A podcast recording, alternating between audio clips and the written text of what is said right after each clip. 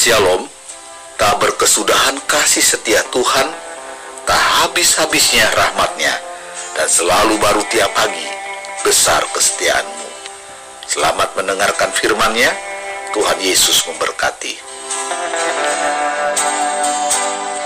Shalom, tidak pernah bosan mendengarkan terus podcast kebenaran firman setiap harinya. Nah, hari ini bicara tentang mata Tuhan tertuju. Nah, mata Tuhan tertuju ini membuat tanda tanya besar buat kita. Tertuju kepada siapa ya? Oke, kita akan baca Mazmur 32 ayat yang ke-8. Mazmur 32 ayat yang ke-8. Aku hendak mengajar dan menunjukkan kepadamu jalan yang harus kau tempuh. Aku hendak memberi nasihat, mataku tertuju kepadamu. Wah, kalau saudara-saudara lihat ke mana mata kita sering kali tertuju, banyak kali orang dalam hal pandemik ini tertuju kepada rumah sakit, tertuju kepada sanitizer, tertuju pada masker, ya. Berapa banyak orang saat ini tertuju kepada hal, -hal itu. Gunanya apa sih? Ya tetap sehat dan selamat. Supaya tidak tertular dari COVID-19, maka hari ini banyak orang tertuju kepada masker, ya hand sanitizer, kemudian tentang semualah fogging yang dilakukan di ruangan-ruangan mereka gunakan itu supaya mereka ya terselamatkan dan mereka tidak mengalami sakit. Nah kalau kita lihat hari ini Tuhan jujur saya katakan dia memberikan satu perhatian secara khusus dan upah kepada orang-orang yang takut akan Tuhan. Jadi kalau saudara sadar bahwa Tuhan tertuju kepada orang yang takut akan Tuhan, yes. Kita harus sadar. Mazmur 32 ayat yang ke-8 tadi katakan ada dasar di mana orang yang takut akan Tuhan. Tuhan tahu bagaimana kita sebagai orang Kristen yang hari-hari gini mendengar banyak beberapa anak-anak Tuhan yang meninggalkan Tuhan, mereka kembali kepada agama yang orang lain miliki, bahkan dia tidak lagi menjadi orang Kristen yang serius dan sungguh-sungguh. Mungkin Natal tahun lalu mereka masih bisa nyanyi lagu Merry Christmas, Happy New Year. Ya, jangan-jangan di lain kesempatan dia sudah tidak bisa menyanyikan lagu itu. Mari kita tahu bahwa sebagai orang Kristen yang tertuju kepada Tuhan harus punya kualifikasi.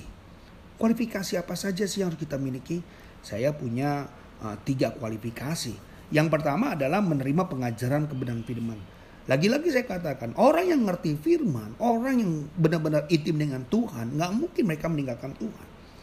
Mereka yang diajar dengan benar tentang firman, mereka tidak akan pernah meninggalkan Tuhan. Kebanyakan waktu jadi orang Kristennya main-main, orang Kristennya jadi tidak sungguh-sungguh, nggak serius. Kristennya hanya sebagai suatu kedok, ya kadang cuma-cuma merek, ikut-ikutan karena orang tua, ya bisa saja.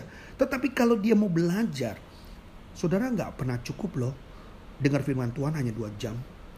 Bahkan hanya 40 menit nggak pernah cukup. Lewat podcast-podcast ini hamba-hamba Tuhan yang luar biasa yang sudah memberikannya lewat radio yang luar biasa, saudara harus berbangga.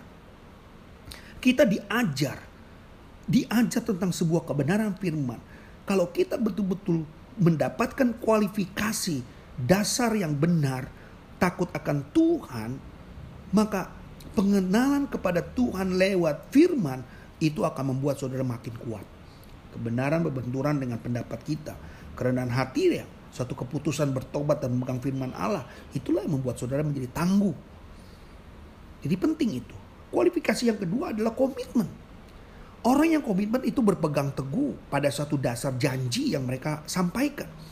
Kalau orang yang sudah berkomitmen, saya percaya saudara akan selalu menjadi orang yang hebat, menjadi orang yang kuat, menjadi orang yang mampu bertahan, bisa menerima firman dengan sukacita.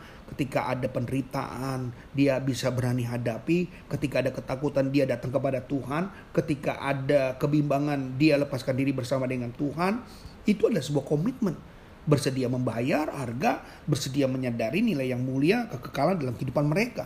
Jadi nggak sekedar kita beli ecek-ecek, kita beli pungut dan kita buang, tidak dan saudara-saudara yang kasih dalam Tuhan, tidak akan pernah orang bisa meninggalkan Tuhan kalau dia punya komitmen, kalau dia punya penerimaan pengajaran firman yang benar.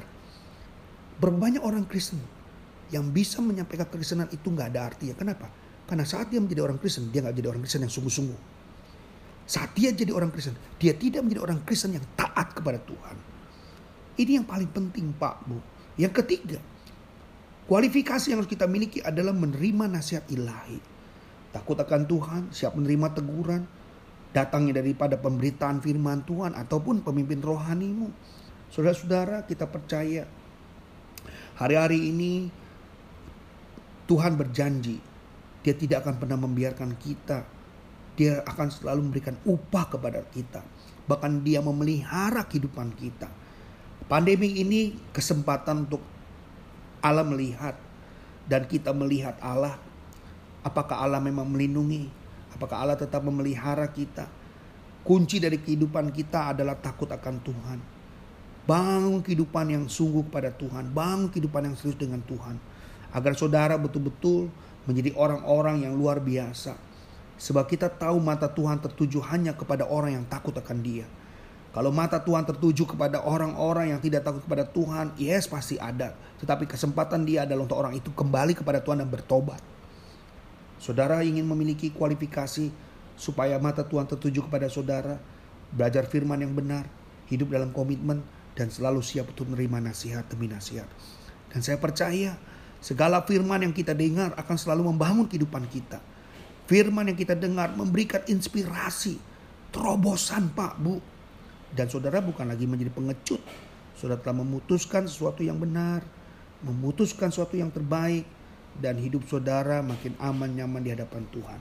Dan saudara diberkati Tuhan senantiasa lewat waktu lepas waktu dan Tuhan Yesus menyertai selalu iman percaya kita kepada Tuhan dan Tuhan menyertai hidup saudara senantiasa. Tuhan Yesus memberkati dan shalom.